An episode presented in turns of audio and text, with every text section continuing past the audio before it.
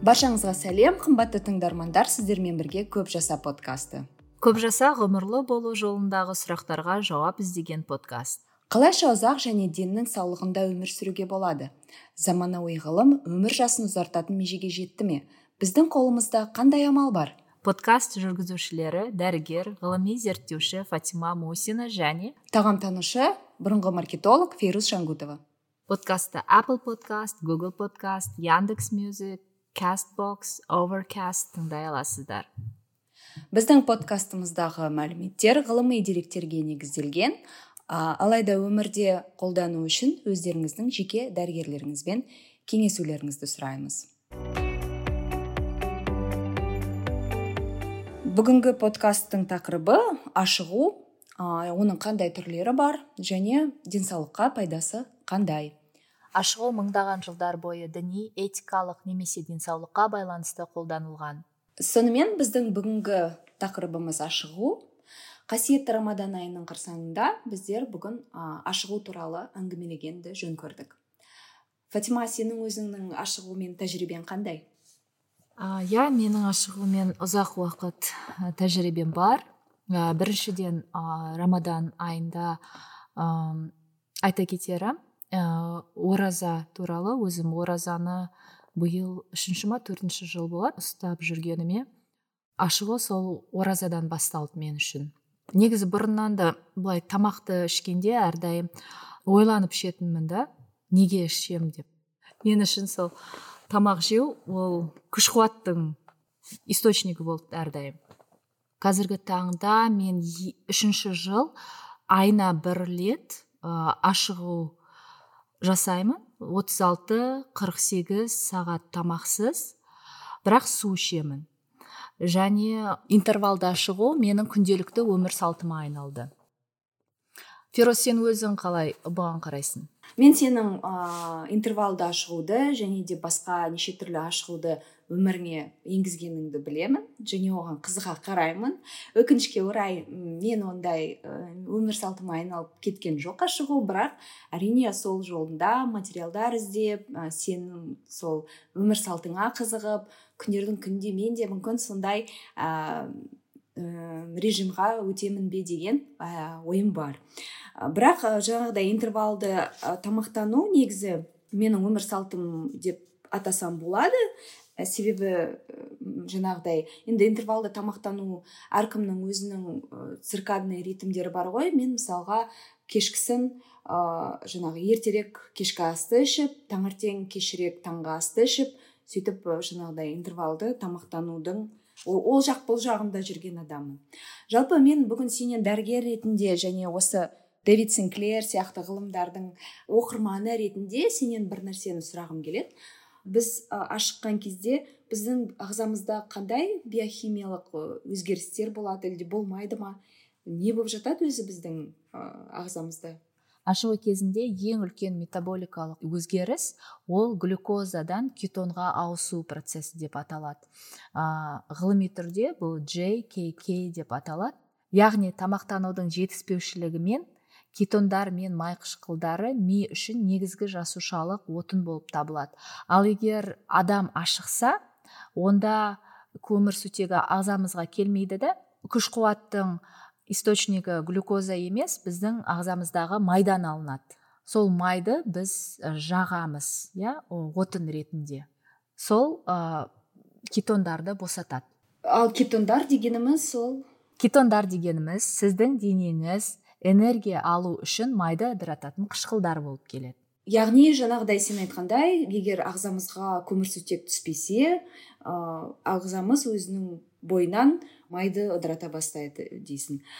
Сонда осы процестің жалғасы ретінде біздің жасушаларымызға не болып жатады? Мысалға ә, көп мына ғылыми зерттеулерде оқимын жасушалардың жаңаруы болады аштық кезінде деп. Бұған қандай әсері бар аштықтың? Қарапайым тілмен айтқанда адамның ағзасын коммуналдық қызмет ретінде қарастыруға болады. Бұны мен дэвин сиклерден алғам.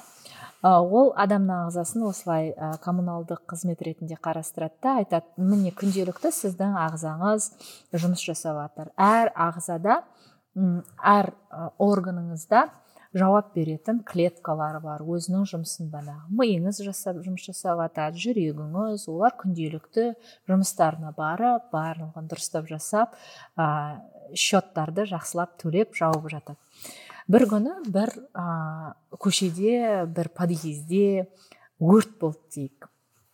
Соған барлық коммуналдық ә, жағдайлар кетті.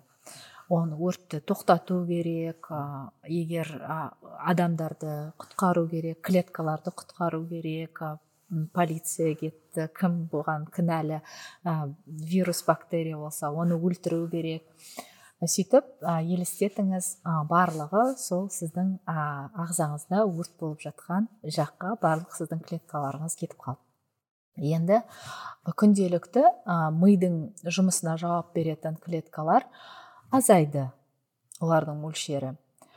Бірақ олар барынша жұмыс жасап жатыр бұрын мысалы сегіз сағат жұмыс жасайтын болса қазір 16 сағат жұмыс жасап жатыр олар енді шаршады. А көмектесуге кеткен клеткалар қайтып келіп жатқан жоқ. Счет сізге көбейіп келіп жатыр ақша төлеңдер деп иә. Оны төлей алмай жатсыз сіз жұмыстан. Ағзаңыз клеткаңыз босамай жатыр. Осы кез міне ә, банағы адамның ә, қартаюына әкелетін сәт. Ә, енді неге оразада адамның ағзасы ә, жасарады демалады дейміз? Себебі ә, ораза кезінде ә, сіз тамақты аз ішкендіктен ә, сіздің ағзаңыз энергияны ә, әр жаққа жақсылап жүйе бойынша бөле бастайды. Тамақ аз келіп жатыр. Сондықтан жайлап бұлшықеттердің жұмысын шамалы төмендетеміз елу пайызға. Тамақ аз келіп жатыр. Ойлау қабілетімізді елу пайызға төмендетеміз деп барлығынан кат төмендетіп демалыс ә, стадиясына кіреді клеткаңыз отпускке кетеді. Барлығын шамалап ә, сокращение жасайды да энергияны. Сосын өзі отпускке кетіп демалады.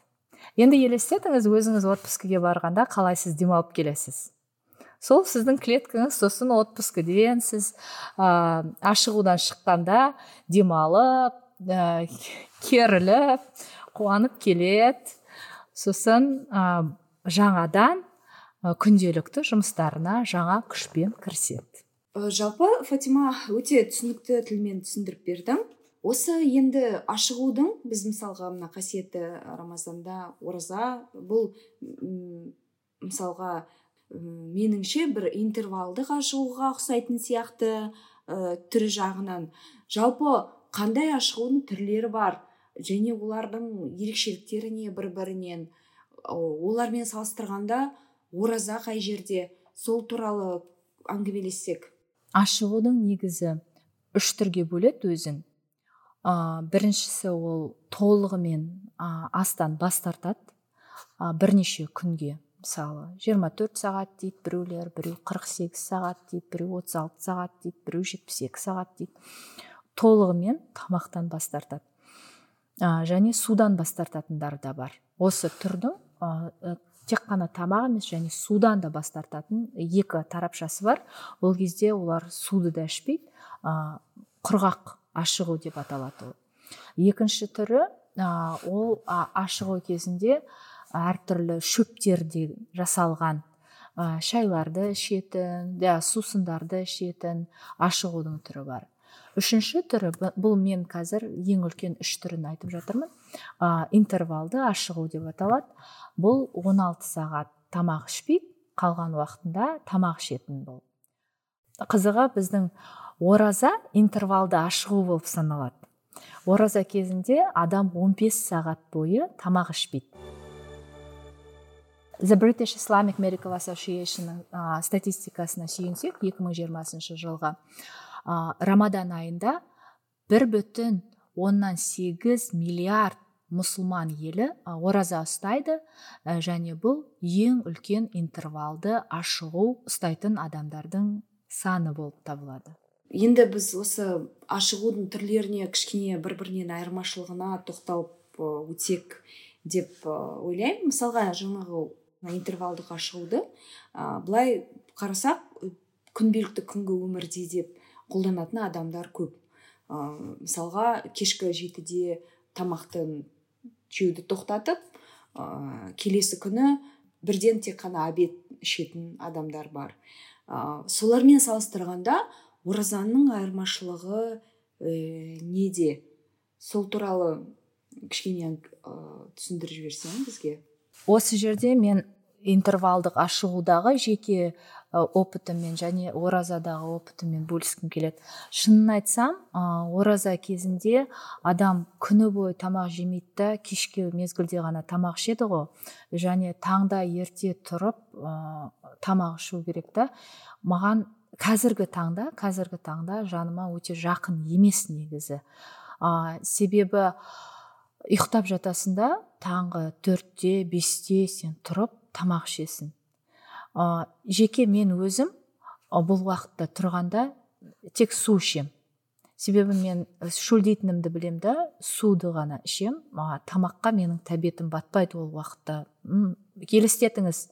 Шыр ұйқыда жатасыз да ә, будильнигіңіз звондап сіз тұрып бірақ көбі көп біздің мына қазақ қоғамымызда адамдар сол уақытта тұрып майлы ауыр тамақтарды ішіп жатады да.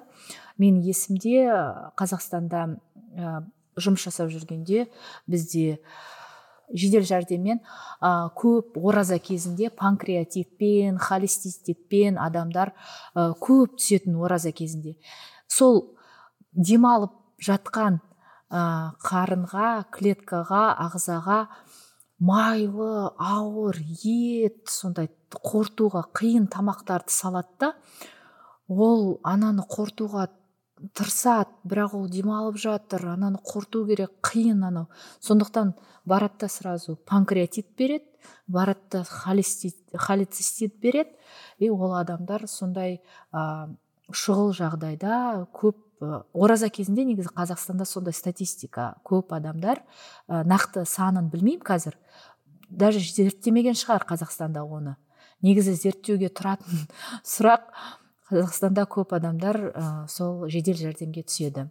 Иә сен қазір соны түсіндіріп өтсең бізге неге онда түнде тамақ жейміз ораза кезінде? Ол жалпы тек қана бір діни ә, нәрсемен байланысты ма? Күннің батуы күннің таңның атуы күннің деген сияқты. Әлде бұның артында бір шынымен де ғылыми бір түсіндіру бар ма бұл нәрсеге? Шынын айтсам мен бұл тұрғыда зерттеген жоқпын. Ә, және оқыған ә, мына діни тұрғыдан да менің сауатым жеткілікті деп айта алмаймын. Бірақ дін жолында жүрген адамдардан сұрағанда адам манағы таңда тұрып тамақ ас алу керек. Бұл діни тұрғыдан ә, do да адам жасау керек.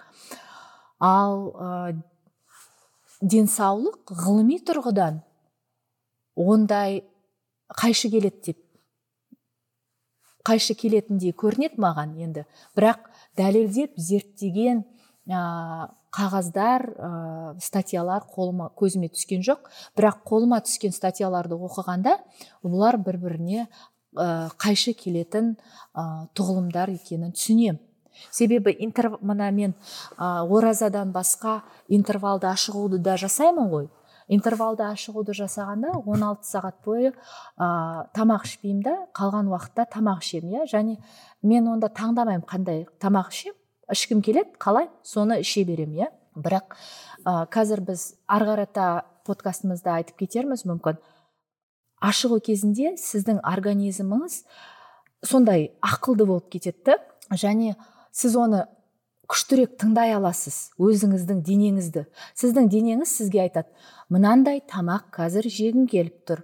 Маған мына тамақ жақсы болады. Мынандай маған жеме. Бұны мен қалап тұрған жоқпын деп та кәдімгідей денеңіз сіздің ағзаңыз сізбен сөйлесе бастайды. Мен мысалы қазіргі таңда сондай стейдждемін иә. Мен мен он алты сағат интервалды аштықта боламын. Маған және ұнайды негізі өте қатты ұнайды.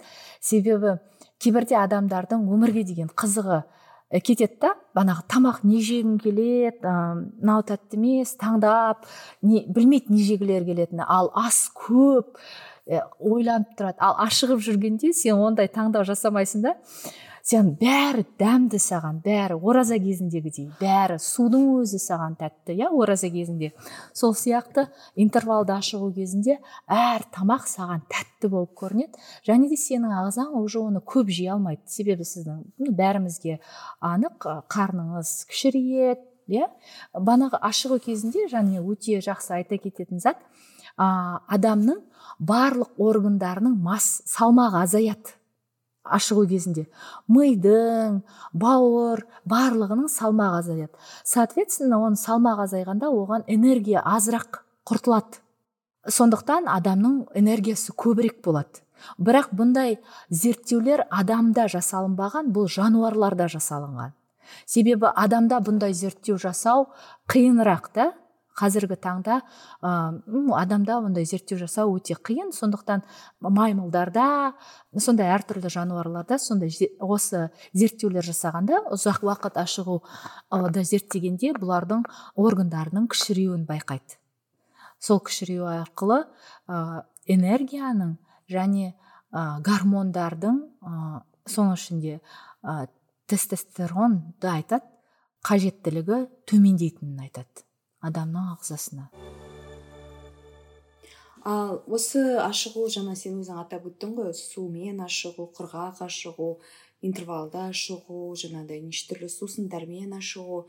Солардың ішінде бір ғылыми зерттелгендері қайсысы бір жаңағыдай мысалға жаңағы сусындармен ашығу ыыы ондай қазірде кең таралған қоғамда неше түрлі жаңағы ыыы сусын жаңағыдай шырындарды ішіп күн ұзағы сонымен ағзаны тазалайтын мысалы ашығудың түрлері бар. Бірақ олардың қайсы шынымен де ағзаға пайдалы? Және сол туралы сенде бар ма бір иә мен былай айтар едім бұл кез бұл кезде адам әр адам индивидуальный және оның ағзасына өзінің ағзадан бұрын ә, санасына қай ашығу жақын болса соны таңдау керек деп. Ә, бірақ ғылыми тұрғыдан мен қазір мындай қорытындыға келіп жүрмін. Интервалды ашығу банағы біздің оразамыз және интервалды ашығу ең ғылыми дәлелденген ашығудың түрі болып келеді. Дэвид синклердің өзі интервалды ашығуда. Ә, және дэвид синклердің ә, үлкен рол моделі. Ә, есімі қазір басыма түспей тұр. Бұл ә, нью йорктағы ә, medical schoolда осы ә, қартаюды ең көп зерттеген американдық ғалым. Және ол сингапур президентінің ә, ұзақ өмір сүру туралы ақылшысы болып жұмыс жасады кезінде. Сол кісі да осы интервалдық ашығуды айтады. Және мына біз айттық қой. Әр дінде ашығу бар. Бұл мұсылмандарда да бар христиандарда да бар буддизмде де бар. Еврейлердің бір тобында ашығу осы интервалды ашығуда жүздеген жылдар бойы иә бір еврейлердің бір атақты тобы ә, жүздеген жылдар бойы интервалды ашығуда өмір сүреді. Және олар сол еврейлер еврей қауымдарының ішінде ең ұзақ өмір сүрушілер қатарына жатады. Синклердің өзі де оларды зерттейді және де басқа мана профессор да зерттейді. Сонда зерттеп келгенде бұлардың қорытындысы бұл адамдар интервалды ашығуда жүреді екен әрдайым. Ал мен кей естідім бұған дейін интервалды ашығуда үш айдан артық болмайды төрт айдан артық болмайды дегенді иә.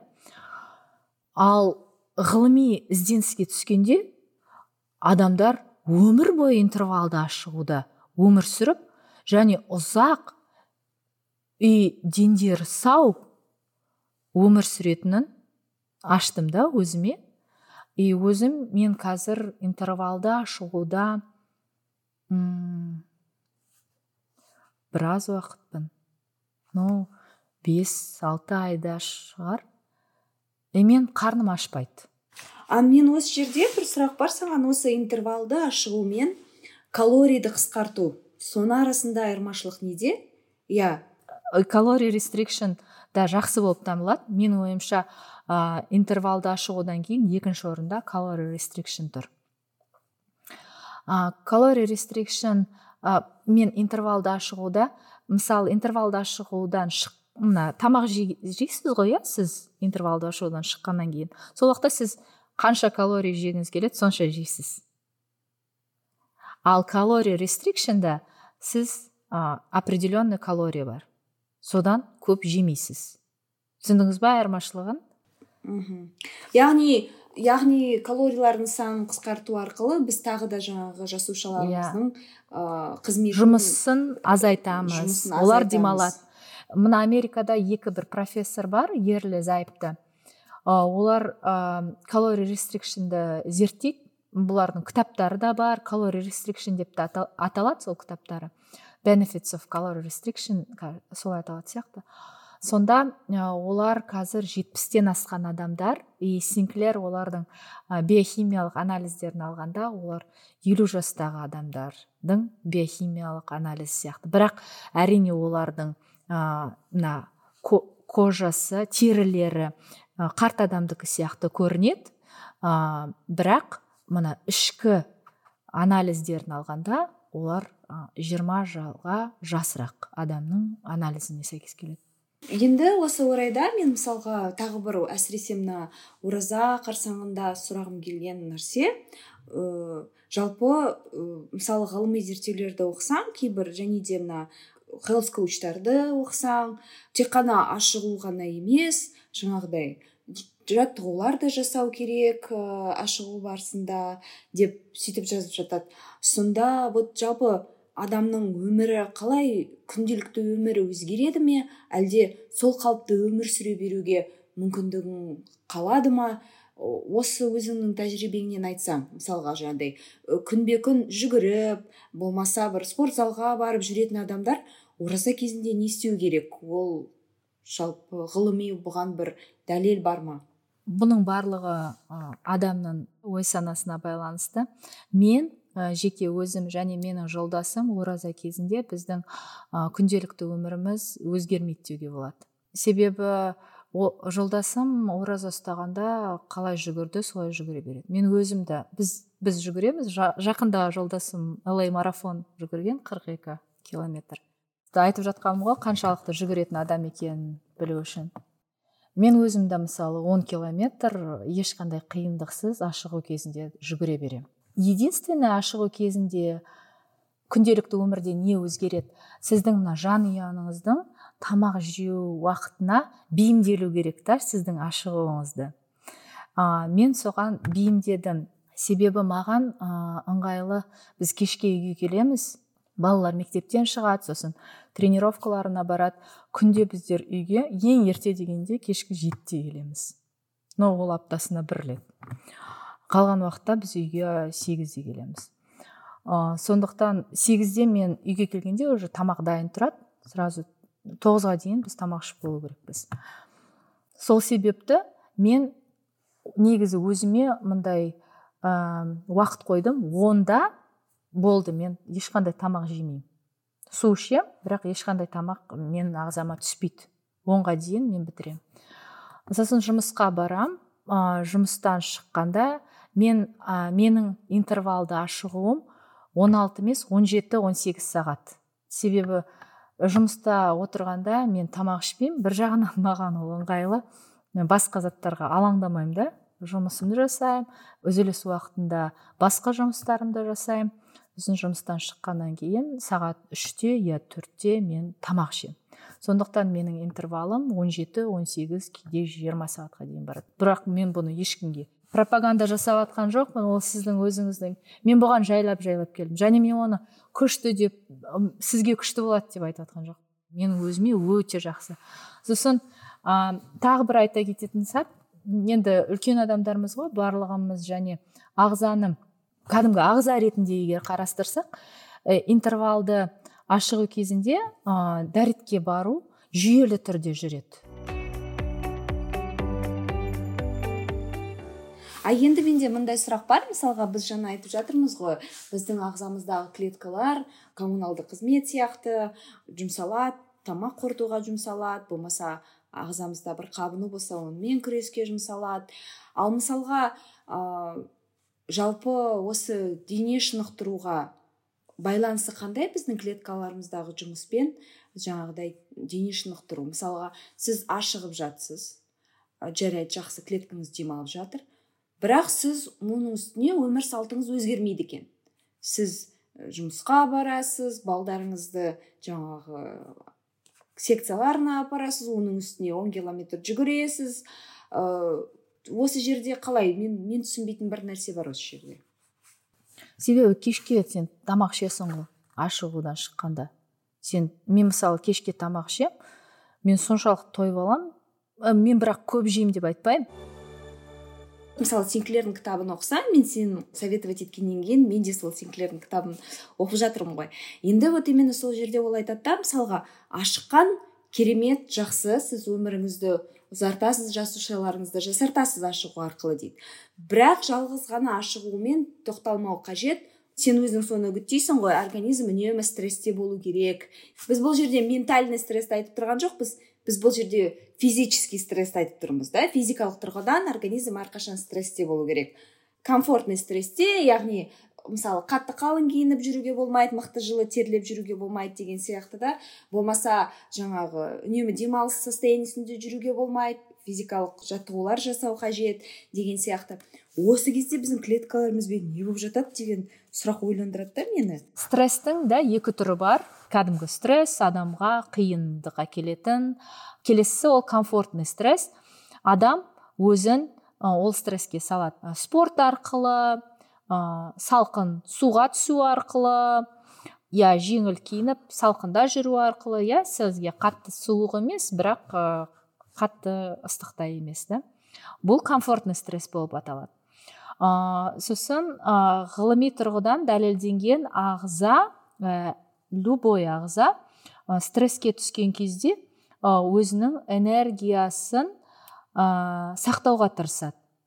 Ең бірінші энергияны сақтаудың ә, қоры ә, әр ағза үшін ол репродуктивті функцияны тоқтату болып табылады. Неге банағы бала көтере алмай жүрген адамдарға айтады? Стрессовать етпеңіз демалыңыз көп ойламаңыз ол туралы деп иә? Себебі бұл бізде гендік ә, уровеньде салынған зат стресс кезінде ә, мына есіктерді жауып таста дейді. Ә, бұлар ең көп энергия құртылатын зат мына есіктерді жауып таста дейді. Ал ә, біз айтып отырғанымыз ә, интервалды ашығу кезінде бұл комфортный стресс деп аталады. Бұнда он соншалықты көп энергия құртылмайды. Бұл стресс кезінде ә, біздің ағзамызда ұйықтап жатқан ә, айтпақшы банағы кім айтады? Бізде гендер бар ұйықтап жатқан деп. Сол сертуиндарды ұйықтап жатқан гендер дейді ә, синклер. Солар оянады дейді. Себебі біздер банағы тамақ жейміз көп заттармен банағы слой көрпе сияқты жауып жауып тастаймыз да олар ә, сол астында қалып қояды иә шыға алмай қалады. Сонда ол айтады ә, сол ә, комфортный стресс болғанда олар оянады активизироваться етеді. Қарашы мен мына жерде мне как раз мына синклердің кітабы қолымда. Ә, жаңағы сұраққа жауап дейді? Мысалға ашығудың үстіне ә, жаңағыдай эксерсайз яғни дене шынықтыру қосқан кезде дейді жаңа қан ә, жаңағы тамырлары қалыптасады. Себебі біз оттегін қолдана бастаймыз да сосын бізде ә, организміміз қышқыл ә, ортадан пиашы жоғары сілтілік ортаға түседі сол ә, сілтілік орта біз үшін ең жақсы орта болып табылады ғой. Сол жерден бана сілтілік ортадан біздер ә, күш қуатты ала бастаймыз. Және кислород ә, оттегі жүгірген кезде өзіңіз байқайтын шығарсыз көп жүгіргеннен кейін бір түрлі мұрныңызға а өзі кіріп өзі шығып жатқан сияқты сезім болады жалпы бүкіл денең оттегіне қаныққандай болады жүгіргеннен кейін? Оттегі бүкіл түпкір түпкіріне кіреді да. Мына өзің білесің ғой фероз уинхофтен біздер ә, демалу техникасын жасаймыз ғой. Иә иә иә иә. сол демалу техникасында басты мақсаты қышқылдық ортадан ағзамызды сілтілік ортаға өткізу ғой. Ә, және онда қалай демді ұстайсың да бір минут сосын бір жарым минут сосын 15 секунд ә, ауаны аласың да оны тағы ұстайсың. Сол кезде банағы оттегі сенің бүкіл түпкір түпкіріңе барады да сені қышқылдық ортадан сілтілік ортаға өткізеді. Мхм міне сол мысалға сол жаңағы синклердің кітабында жаңа жаңа қан тамырлары қалыптасады ә, жүрек және өкпенің жұмысы жақсарады. Және ә, теломерлер ұзарады. Иә жаңа қан тамырлары деген банағы анастомоздар ғой бізде. Ә, олар бізде әрдайым адамда қан тамырлары бар иә? Әр органге әр неге баратын. Және де бір қан тамырлар бар ұйықтап жатқан қан тамырлар сияқты. Мысалы жүрек аурулары болғанда ә, мысалы бір басты қан тамырлар коронарный артерия кейбірлері жабылып қалса олар анастомоз арқылы ә, анастомоз деген қосымша қан тамырлар арқылы кислородты ала бастайды. Олар ұйықтап жатады. Пока ана басты қан тамырлар болғанда олар ұйықтап жатады. Олар себебі қажет емес басты қан тамыр қажетті қанды ә, айналдырып атады. Ал енді басты қан тамыр жабылып қалғанда анастомоздар ашылады. Сол манағы жүгірген кезде оттегінің түсуіне байланысты ә, жаңа қан тамырлар ашылады. Себебі насыщение как қанығады оттегіге ағзамыз қанығады иә қаныға бастайды көп оттегі келіп жатады соны қорыту керек ағзаға. Көп келіп жатыр да сондықтан барлығы қосылып ә, сонда қысқа қайырғанда әңгімемізді оразаның үстіне жаңағыдай ә, қолдан қолдан келсе емес енді әрине жаңағыдай дене шынықтыру иә иә. жай жата берген дұрыс емес деп ойлаймын. Мен мына сауд арабия елінен достарым бар иә меккадан достарым бар.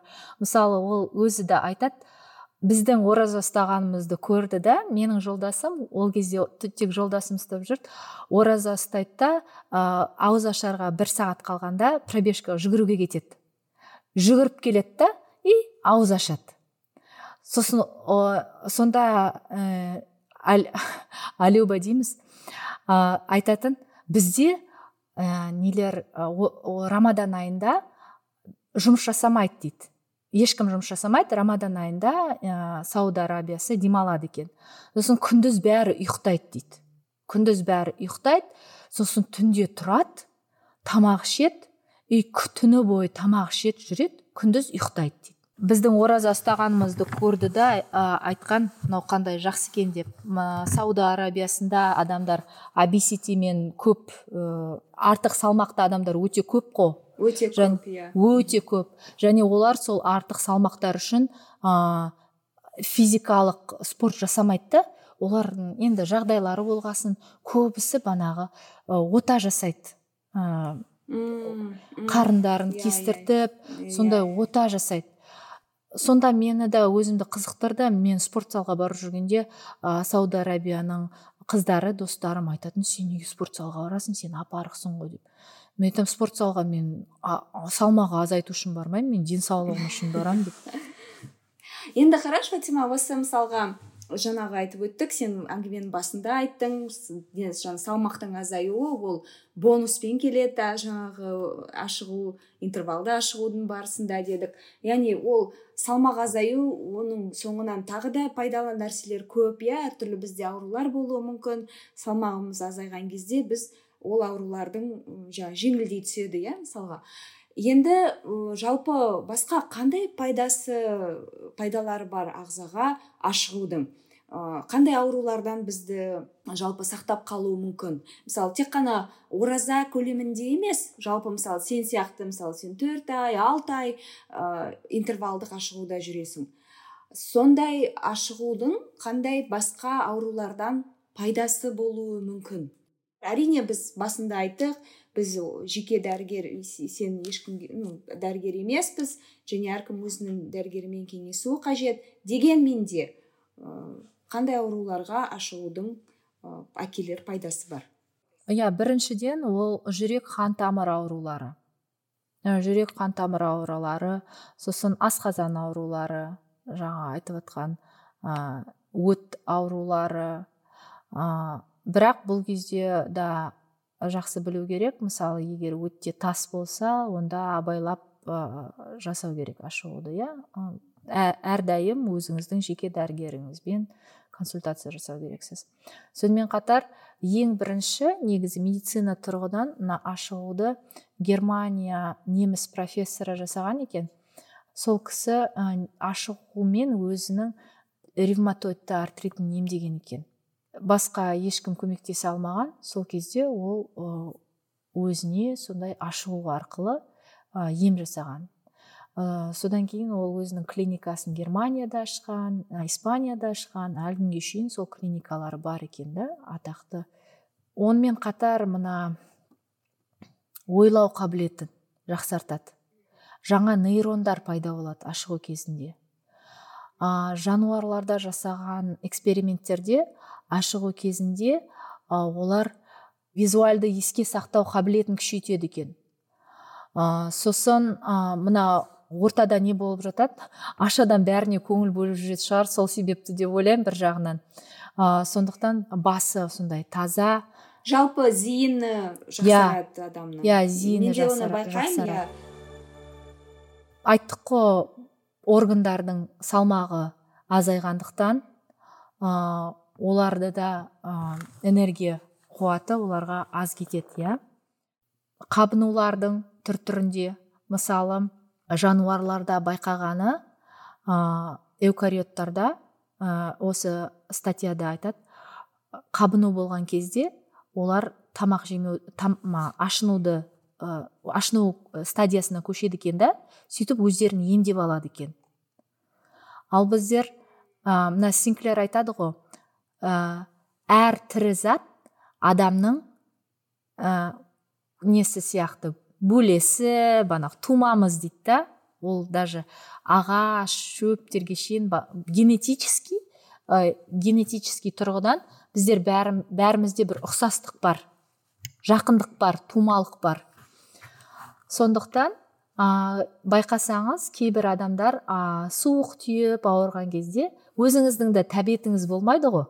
Ол сіздің организміңіз сізге айтып жатады мен қазір ауырып жатырмын мен күш қуатымды қазір банағы ә, суық тиді маған тамағыма мен сол жаққа күш қуатымды жұмсап жатырмын тамаққа күш қуат менде жоқ қазір сондықтан сен мен тамақ ішпеймін деп сізге айтады да сіздің тәбетіңіз болмайды.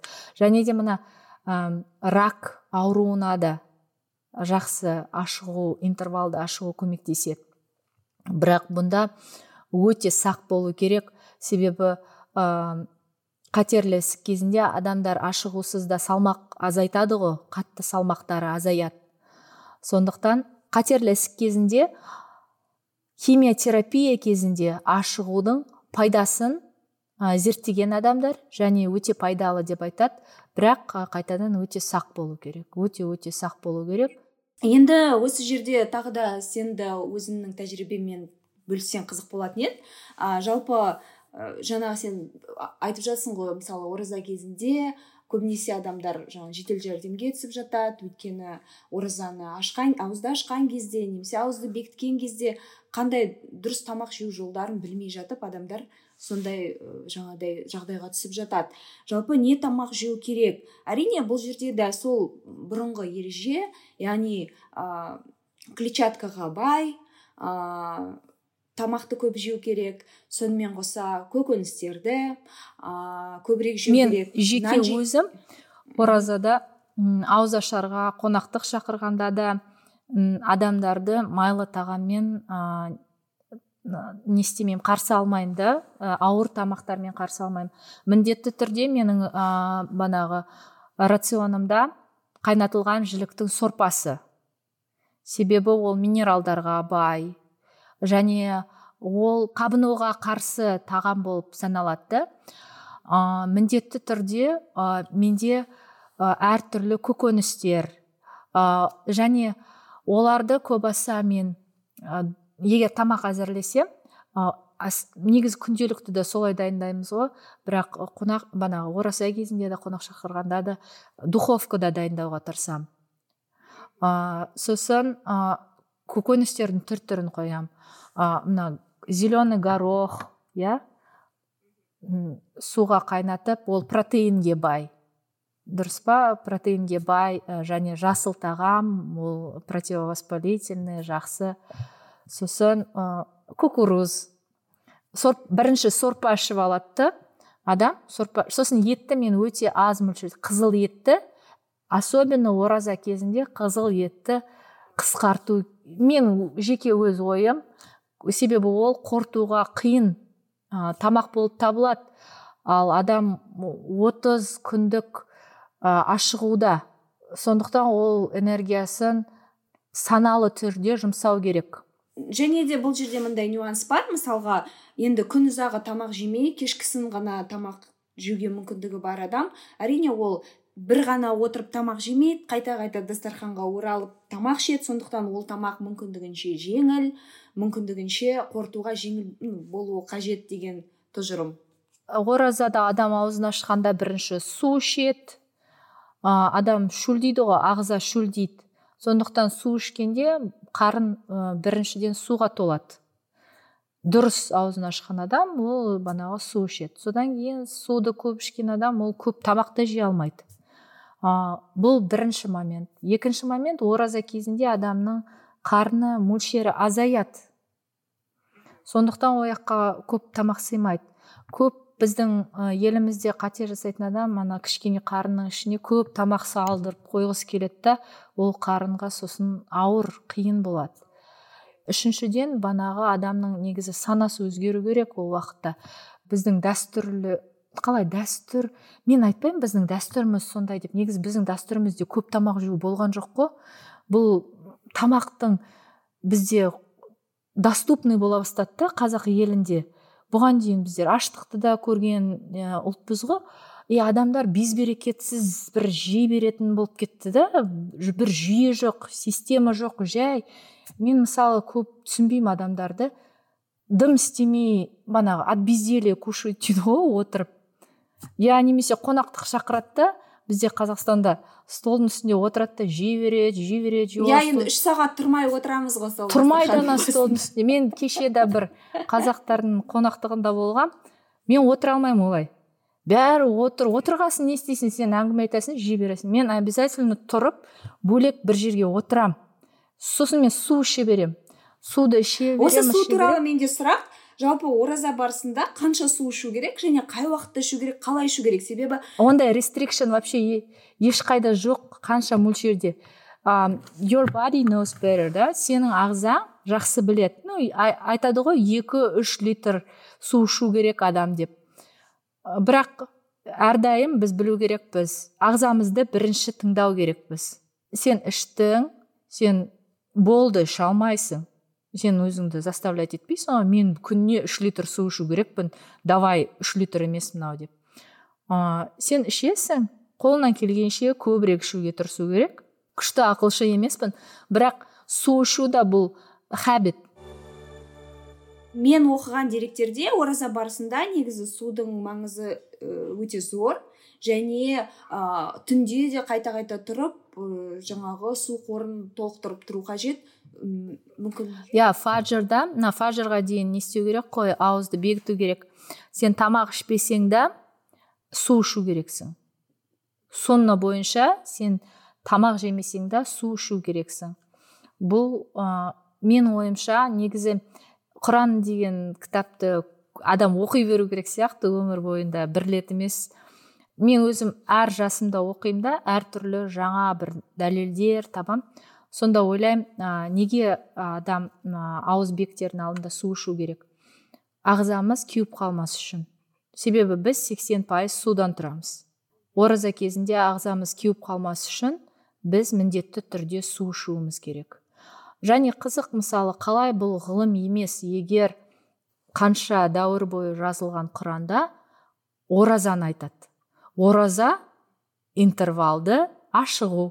15 сағат ладно 16 емес. Ғалымдар мысалы бүгінгі ә, западный ғалымдар айтады 16 сағат дейді ал ә, ислам 15 сағат дейді иә? Бірақ барлығы келгенде бір қорытынды. Иә ол жалпы басқа діндердің біразында бар нәрсе негізі ашығу.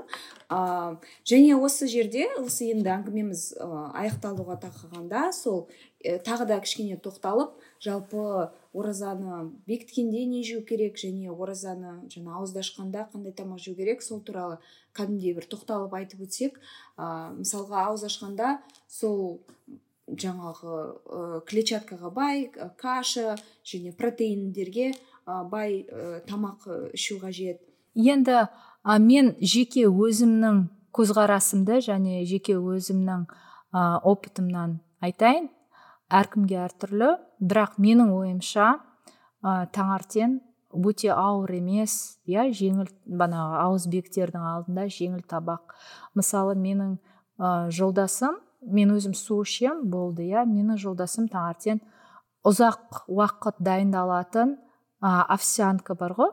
Стил кат отмил вот соны жақсы жейді.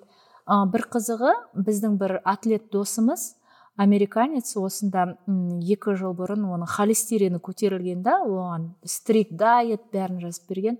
Все холестерин түспейді деп. А ол сол өзі диета жасап алған өзіне. Сондай стил кат отмил жеп таңертең без масла и у него холестерин упал.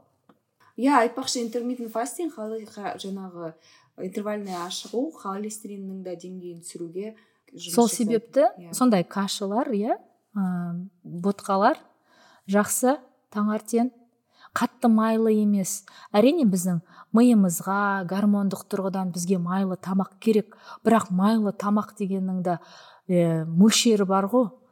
Ол және оның түр түрі бар ғой иә мысалға өсімдіктен, yeah, өсімдіктен жасалған иә. Иә. Немесе сапалы сары май жақсы сары май болса сон әрине толтырып емес енді шамалы. Ер адамдарға мысалы мен айтар едім не әйел адамдарға да күндіз та, ауызбектердің алдында сондай жақсы бір каша шамалы овощи фрукты шай мындай кофеин содержащий заттар таңда егер прям тұрып кетпесе қайта ә, барып жататын болсаң онда ондай ішпеген дұрыс деп ойлаймын. Себебі сен тамақ беріп уже организміңді оятасың а еще оған кофеин берсең ол қайтадан ұйқыға кету оған қиын болады.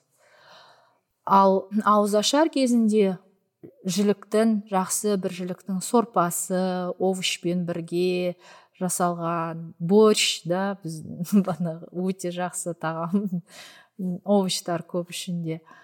Ә, сосын ә, әртүрлі балықтар духовкада пісірілген балықтар. Балықтың өзінің майы жеткілікті оған. Май, майға қуырудың қажеті жоқ. Мысалы ну балықтың түр түріне байланысты бірақ өзінің майы жеткілікті. Сондай тағамдар жақсы деп ойлаймын. Рахмет. Сонымен қымбатты достар бүгінгі шығарылымымыз соңына жетті. Назарларыңызға рахмет. Подкастымызды apple podcast google podcast және яндекс музыка платформаларында тыңдай алатындарыңызды естеріңізге саламыз. Жазылыңыздар баға беріңіздер. Бұл біздер үшін өте маңызды. Сау болыңыздар көп жасаңыздар. Көп жасаңыздар. Подкаст барысында бірнеше рет қайталанған профессор давид синклер профессор генетик ғалым зерттеуші. Ол аштық ортасындағы қартаю себебін және эпигенетикалық тұрақсыздық себептерінен сертуин гендеріндегі өзгерісті ашқан. Фатима атап өткен синклердің роль моделі дәрігер нил бразилай. Қартаюды зерттеу институтының негізін қалаушы зерттеуші. Жүз жастан асқан сентенериандардың қоршаған ортаның қиындықтарына төтеп беру механизмдерін зерттеп ұзақ өмір сүру генін табуымен танымал. Сонымен қатар фатима әңгіме қылған калорий қысқартуды тәжірибелеріне айналдырған жұп мэридит аверил және пол маглосен халықаралық калорийді қысқарту қауымдастығының мүшелері. Олар тәулігіне қажетті калорийдің 75 пайызын ғана тұтынады.